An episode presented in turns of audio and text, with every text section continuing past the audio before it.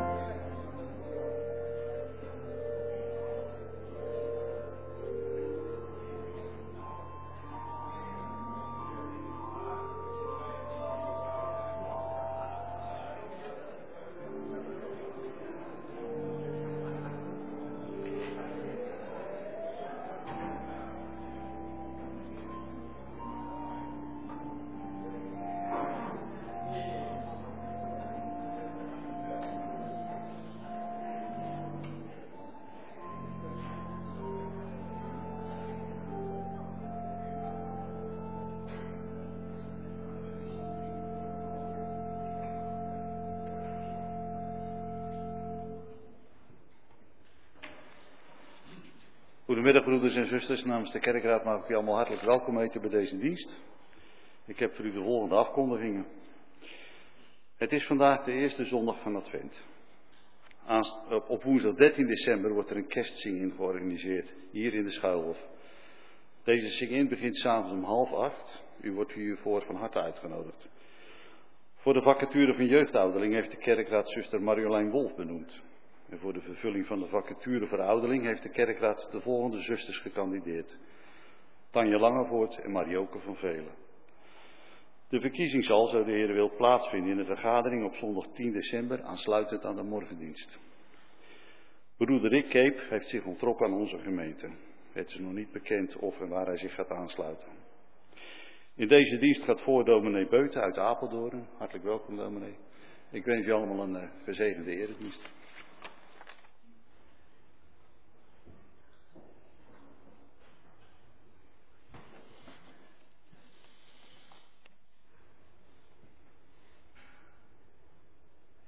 Goedemiddag allemaal.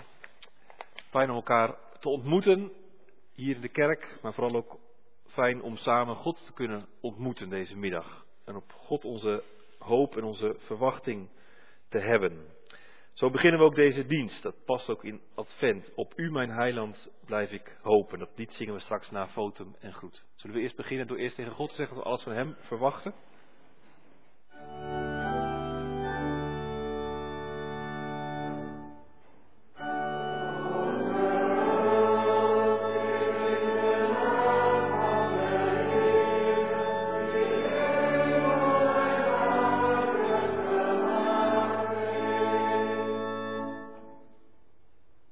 Genade is er voor jullie, barmhartigheid en vrede van God onze Vader en van Jezus Christus onze Heer.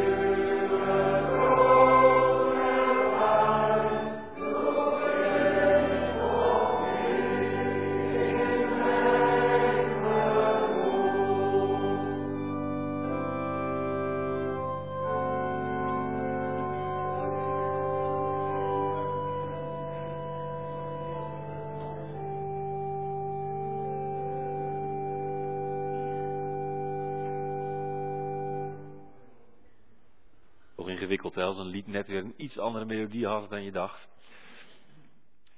Laten we samen bidden.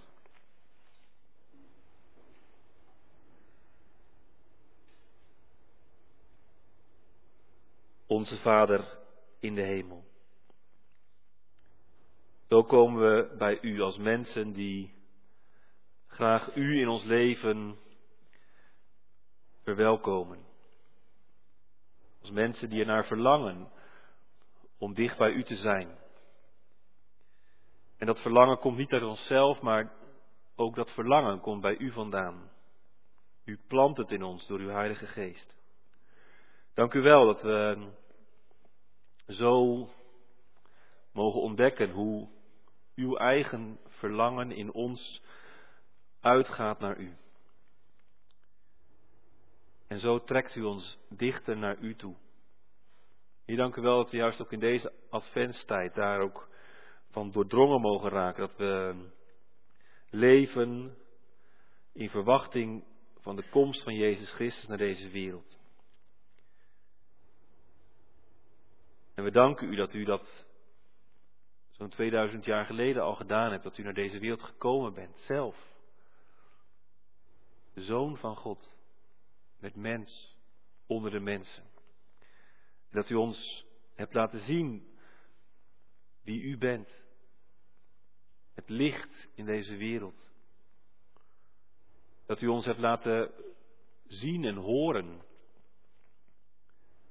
wat de weg is die we hebben te gaan door deze wereld heen. En dat u ons hebt laten zien dat u niet een God bent die op een afstandje toekijkt, maar een God die ingrijpt, een God die redt, een God die geneest, een God die vergeeft. Heer, dank u wel daarvoor.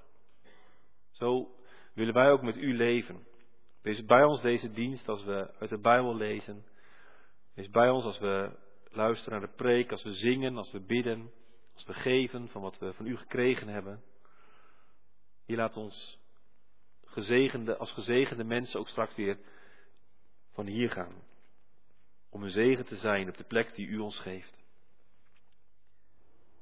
Genadige en heilige God en Vader, geef ons wijsheid om u te ontdekken. Volharding om u te zoeken. Geduld om op u te wachten. Ogen om u te zien. Een hart dat zich in stilte op u richt en een leven dat u verkondigt door de kracht van de geest van Jezus Christus, onze Heer. Amen.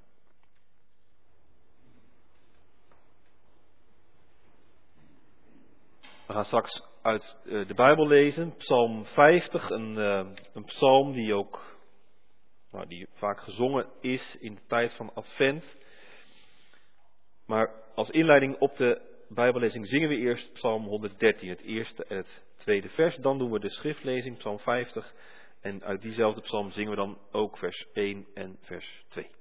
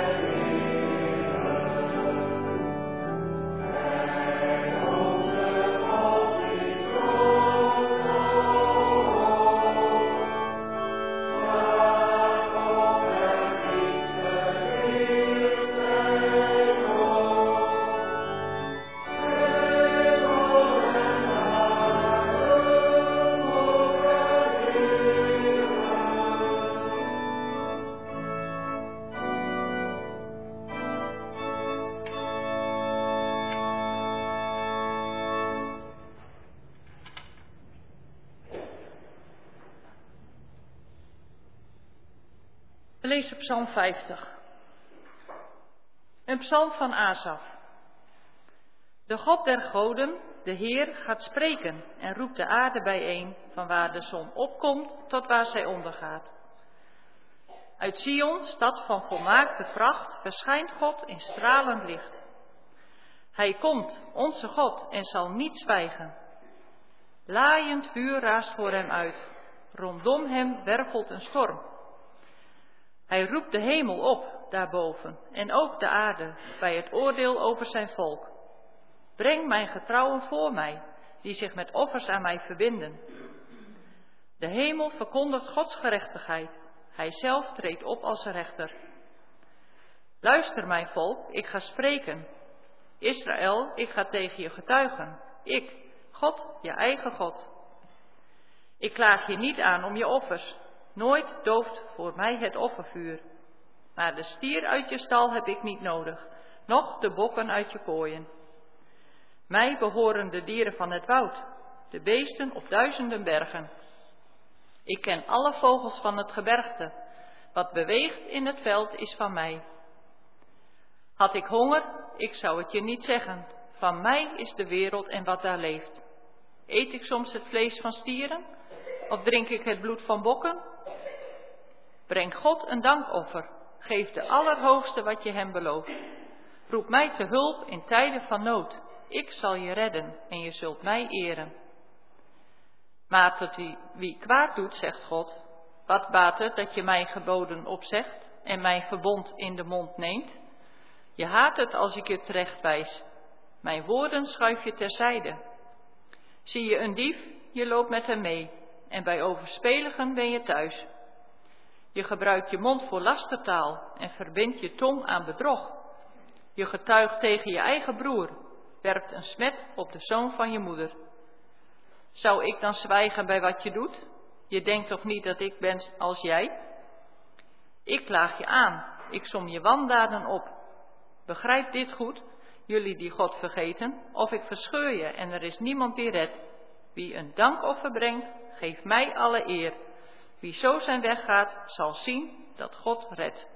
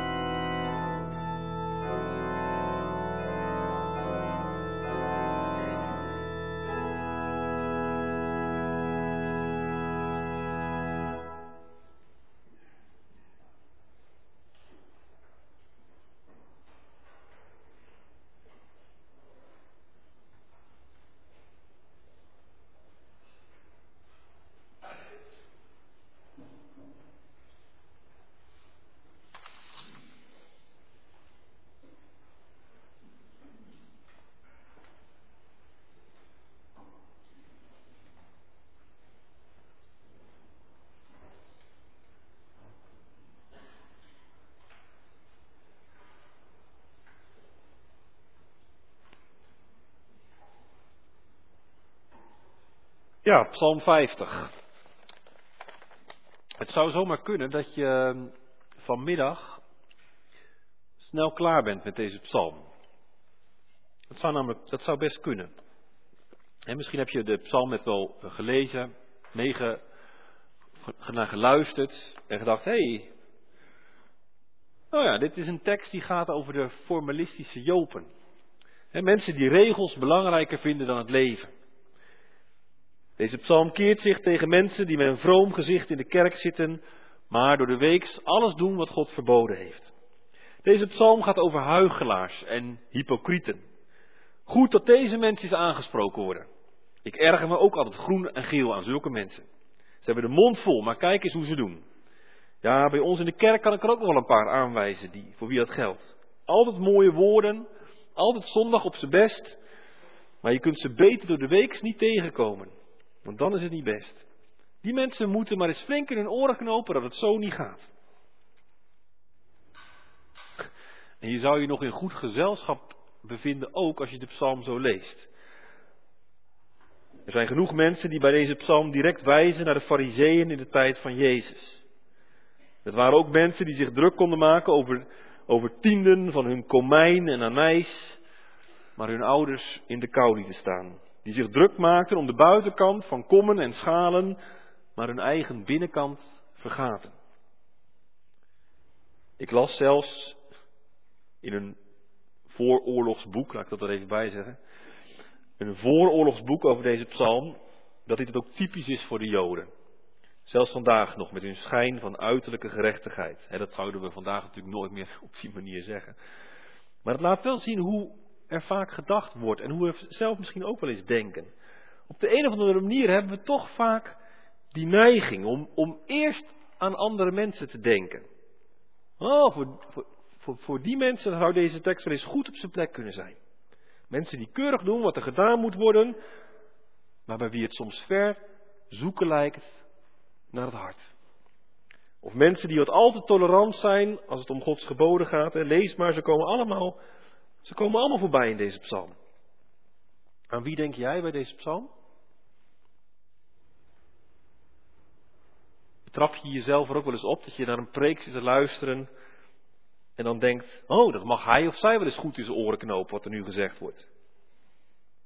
Of, of wat goed dat de dominee dat nu zegt, want dat moet hij ook eens een keer horen.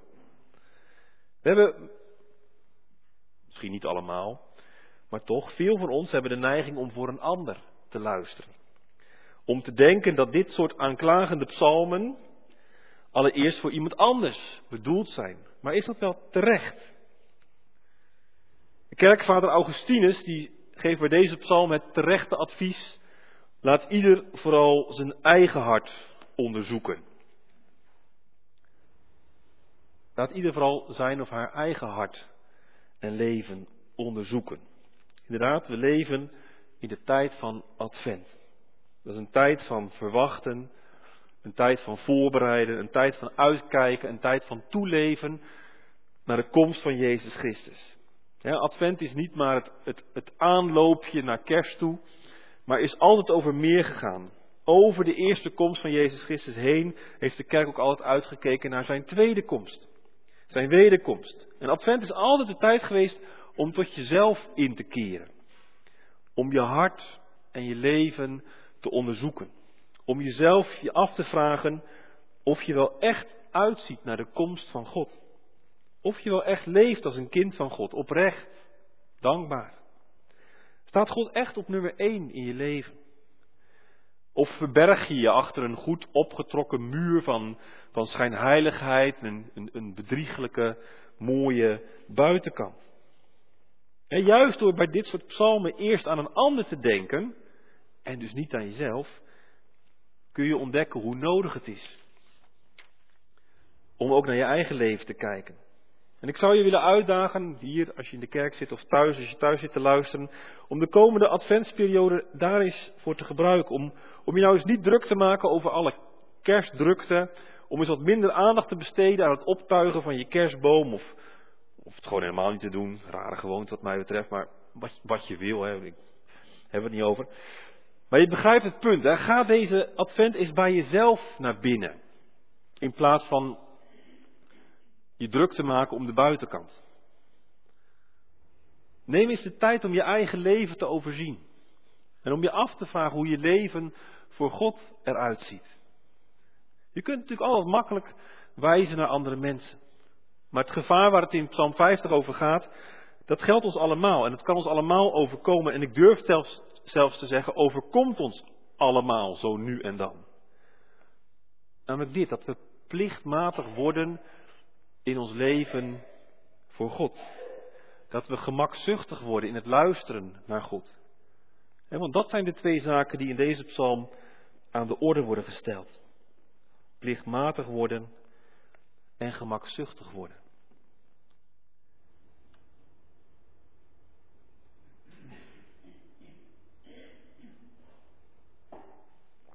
God komt als rechter naar deze wereld. En hij gaat de wereld ook aanspreken. Hij gaat zijn volk aanspreken. Hij heeft zijn volk iets te zeggen. En de hele wereld, alles en iedereen mag het horen, wordt opgeroepen als getuige. En wat wil het geval? Wie worden er aangeklaagd? Vers 5, we hebben in die rechtszaak wordt er, wordt er iemand aangeklaagd. Wie worden er aangeklaagd? Mijn getrouwen die zich met offers aan mij verbinden. Dat zijn de mensen, mensen die toegewijd leven aan God. Niet de vijanden van God worden aangeklaagd in deze psalm. Niet de mensen die er een potje van maken in hun leven. Daar gaat het hier niet over. Het gaat over mensen die voor hun eigen gevoel goed bezig zijn. Zij die zich met offers aan mij verbinden. In het Hebreeuws wordt een toespeling gemaakt op op het verbond. Zij die mij offers brengen naar mijn verbond. Het verbondsvolk van God zelf. De getrouwen van God. Als je, als je vervolgens hoort wat er bij deze mensen allemaal aan schort, kun je je afvragen of dit geen ironische woorden zijn. Zijn deze mensen wel de getrouwen van God? Zijn het wel mensen die zich met offers aan God verbinden? Jawel, maar dat maakt het nog eens extra pijnlijk. In deze tekst gaat het over jou en over mij. Over mensen die hun best doen om voor God te leven. Mensen die met hun goede gereformeerde gedrag toch geregeld de plank volledig misslaan. Herkenbaar? Mensen die toch stiekem wel eens denken nou, dat het best goed gaat met geloven. Misschien onbewust denken dat, dat God toch ook best wel tevreden kan zijn. God, wat wilt u nog meer? Kijk eens naar alle offers die ik breng. Kijk eens naar de tijd die ik besteed in uw koninkrijk. Kijk eens naar alle bezoekjes die ik breng. Alle mensen die ik aandacht geef. Alle tijd die ik stop in het draaiend houden van de kerk. Kijk eens. En dan zegt God, dat zie ik wel. Dat is het punt. Ik zie, ik zie je offers echt wel. Maar denk je nou echt dat ik dat nodig heb? Alles is al van mij. En als ik wat nodig heb, zou ik het zeker niet aan jullie vragen. Het gaat niet om de offers die je brengt. Het gaat niet om de tijd. Het gaat niet om het geld dat je opoffert voor God. Het gaat om de dankbaarheid waaruit je leeft. Wat er uit je hart komt, is dat dankbaarheid. Ik, uh, ik had deze psalm aan een paar mensen van tevoren uh, gegeven. En, lees die psalm eens door en, en laat, laat me eens horen wat je voor vragen je hebt. En toen zei iemand, hoe kan het nou dat God eerst zegt, wacht even. Hoe kan het nou dat God eerst zegt dat hij onze offers niet nodig heeft, hè, dat zegt hij eerst in, in Psalm 50, maar dat hij vervolgens zegt in vers 14 dat we hem een dankoffer moeten brengen. Hoe kan dat nou? Nou, dat is precies het punt. Dat is precies het punt, want een offer kost je iets. Een offer doet op een bepaalde manier een beetje pijn. En zomaar kan de gedachte ontstaan dat de ander aan wie je het offer aanbiedt, dat moet waarderen. Ziet God wel dit of dat? Maar bij een dankoffer ligt, dat, ligt het focus anders. Een dankoffer is niet verplicht en komt voort uit een dankbaar hart. Een dankoffer wil aan God laten merken hoe blij en hoe gelukkig je bent met God. En zolang je nog vooral bezig bent met wat het je kost, ben je nog niet aan danken. Snap je? Twee mensen kunnen precies hetzelfde doen. Maar de een doet het omdat hij denkt dat het, hij het moet doen. En de ander doet het omdat hij blij is om zoiets aan God terug te kunnen geven. Een dienst op zondag is voor de een iets wat moet omdat je christen bent. En voor de ander een moment om God te danken en te eren. Een bezoekje aan de, in de gemeente bij iemand die het nodig heeft is voor de een omdat het nu eenmaal moet. Voor de ander een manier om God vol dankbaarheid iets terug te geven. Een gift aan een goed doel is voor de een een poging om zijn schuldgevoel het zwijgen op te leggen, voor de ander een manier om dankbaarheid uit te delen aan mensen die dat harder nodig hebben. Zie je het? Het gaat niet om de buitenkant. Het gaat niet om wat je doet. Het gaat om de binnenkant. Is het een verplicht nummer? Is het iets wat jou een goed gevoel moet geven omdat je het gedaan hebt? Of is het een uiting van dankbaarheid en moet het God allereerst een goed gevoel geven? En begrijp me goed, hè? De grens tussen het een en het ander is niet altijd even duidelijk. Ons hart is vaak een warboel van intenties en bedoelingen. Daarom is het ook zo nodig om bij jezelf naar binnen te gaan en te onderzoeken wat er in je hart leeft en gebeurt. En hetzelfde geldt ook voor ons gedrag. Hè? Daar gaat de tweede helft van die psalm over. Dat we best vaak wel weten wat goed is en wat niet goed is. En dat we dat zelfs ook wel kunnen zeggen. De geboden van God kunnen we zo opdreunen. Maar komt het ook uit onze vingers? Ook als niemand kijkt. Psalm 50 wordt juist zo spannend omdat God in een stralend licht verschijnt. Dat is, dat is prachtig om dat te zien. Dat is, indrukwekkend en schitterend. Maar het brengt ook alles aan het licht. Het maakt ook het duister en het donker in ons leven pijnlijk zichtbaar. In het licht van God kun je niet langer naar andere wijzen die zoveel slechter zijn dan jij. In het licht van God kom jij zelf in beeld. Heb je geen excuses meer? Heb je geen poot meer om op te staan? Moet je erkennen dat je net zo goed vaak voor het duister gekozen hebt? Moet je toegeven dat je zomaar een meeloper wordt van mensen met die verkeerde dingen doen? Ben je misschien wel iets te tolerant geworden over dingen die niet goed zijn? Is je leven misschien wel iets te veel anything goes geworden? En ben je wel iets te goed geworden in het goed praten van dingen? In het stralende en schitterende licht van God wordt onze schijnheiligheid duidelijk. En ik huiver daarvan. Want het gaat mij net zo goed als jou en jou. Dat, dat, kun je toch niet zeggen, dat je, dat je geen zonde doet. Dat kun je toch niet zeggen, dat, dat er niks misgaat in je leven. Gods komen, zijn verschijning in stralend licht is niet alleen maar prachtig en schitterend. Het is ook huiveringwekkend. En op een bepaalde manier zelfs gevaarlijk. Laaiend vuur raast voor hem uit, rondom hem wervelt een storm. En aan het slot van de psalm nog maar even de conclusie. Begrijp dit goed, denk hier aan, denk hier goed over na. Jullie die God vergeten, of ik verscheur je en er is niemand die redt. Zo. Ben je nu ruw wakker geschud uit je vrolijke december feestmaand winterslaap? Mooi zo, want dat was precies de bedoeling. Het licht van God is geen twinkelend kaarsvlammetje, geen gezellig ledlampje in de kerstboom. Het is een oogverblindende bouwlamp. Het doet pijn aan je ogen. Kijk er vooral niet recht in, want je ogen gaan er kapot van. En zelfs als je er niet in kijkt, maakt het pijnlijk duidelijk hoe het er met je voor staat. Geen reden om het goed getroffen te hebben met jezelf.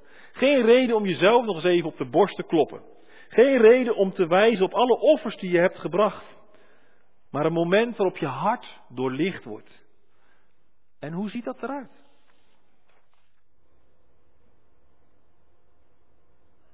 Advent. Hij komt, onze God.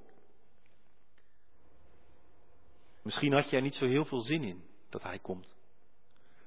En is dat door deze preek misschien nog alleen maar minder geworden? Misschien keek je er wel naar uit, maar vraag je je nu af, ja, is dat eigenlijk wel zo verstandig om daar naar uit te kijken? Wie ben ik eigenlijk voor God? Hoe ziet mijn hart eruit in zijn licht? Leef ik als een dankbaar en gehoorzaam mens? Wat drijft mij eigenlijk? Wat beweegt mij? Hij komt. Nou, liever niet. Als ik eerlijk naar mezelf kijk, durf ik hem zo wel onder ogen te komen.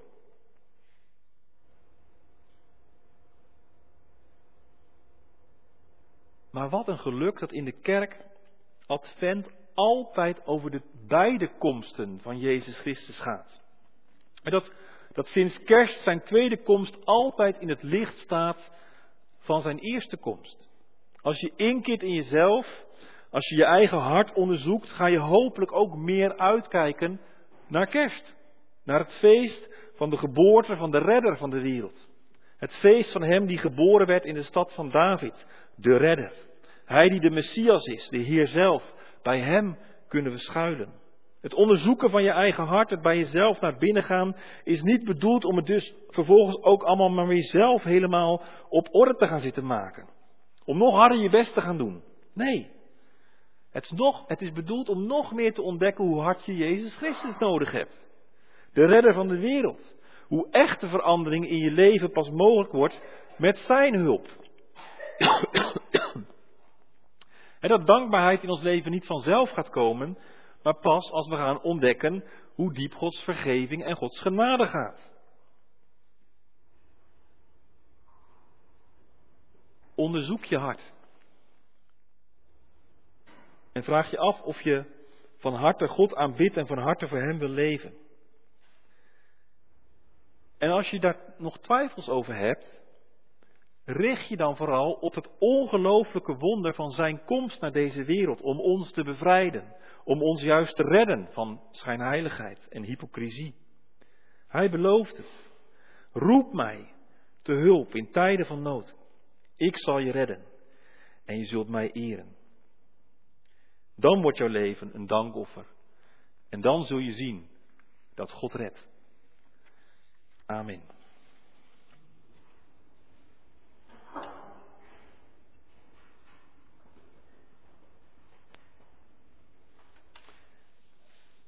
We zingen elkaar het lied Heer, u bent mijn leven, de grond waarop ik sta.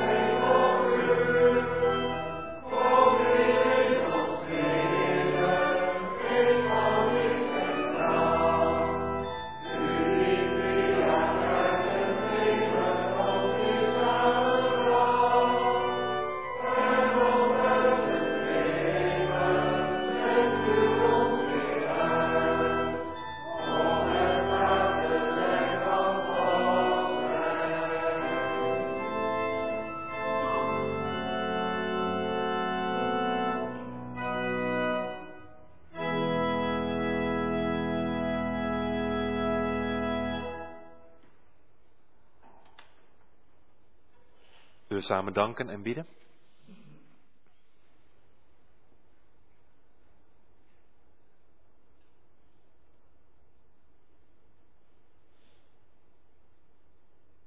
Heer onze God, U die verschijnt in stralend licht, U die komt en niet zal zwijgen. Laaiend vuur raast voor U uit. En rondom U wervelt een storm. U zult komen naar deze wereld nog eenmaal. En hier als we Psalm 50 lezen en zingen, dan kan ons dat ook wel een beetje koud om het hart worden. Want uw heiligheid, uw majesteit, uw heerlijkheid, zijn niet te evenaren, zijn voor ons niet te bevatten.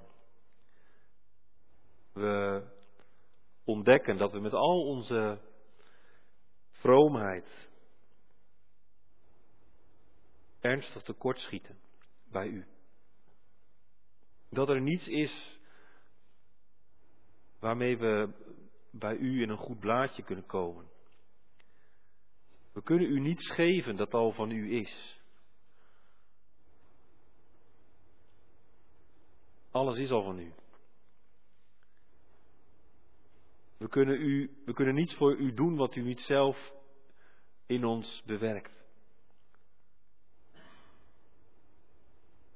Hier, we komen bij u als bedelaars, als mensen die zich klein maken voor uw heerschappij, voor uw licht, waarin zo pijnlijk duidelijk wordt wie wij zijn. Heer, dank u wel dat we daarover nadenken, niet als mensen zonder hoop, niet als mensen zonder perspectief, maar dat we daarover nadenken als mensen die leven na de eerste komst van Jezus Christus. Heer, dank u wel dat we uw liefde ontdekken als we naar Hem kijken. Dat we uw rechtvaardigheid ontdekken. Als we ontdekken dat Jezus Christus als redder naar deze wereld komt. Hier zo kunnen wij met u leven. En zo kan er ook, kunnen we ook eerlijk kijken naar het donker in ons eigen leven. Onze schijnheiligheid. Ons stoer doen over wat er goed gaat in ons leven. Heer, we beleiden u onze kleinheid. We beleiden u onze schijnheiligheid. We beleiden u onze zonden, de dingen die er misgaan in ons leven. De lelijke woorden die we spreken tegen anderen.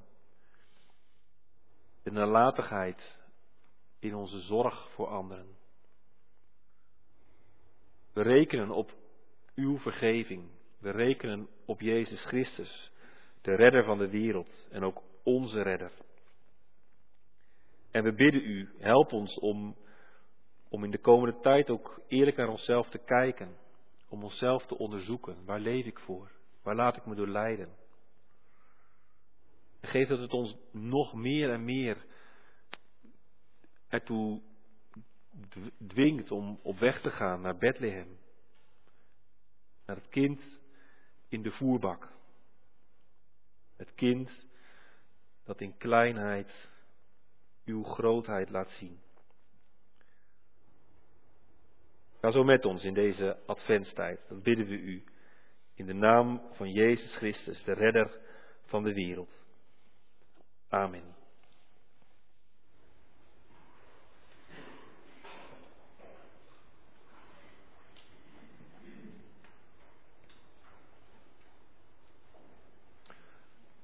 Even kijken, ik zie dat het slot van de dienst iets anders gaat dan u wellicht gewend bent. Eerst is er ruimte voor de collecte.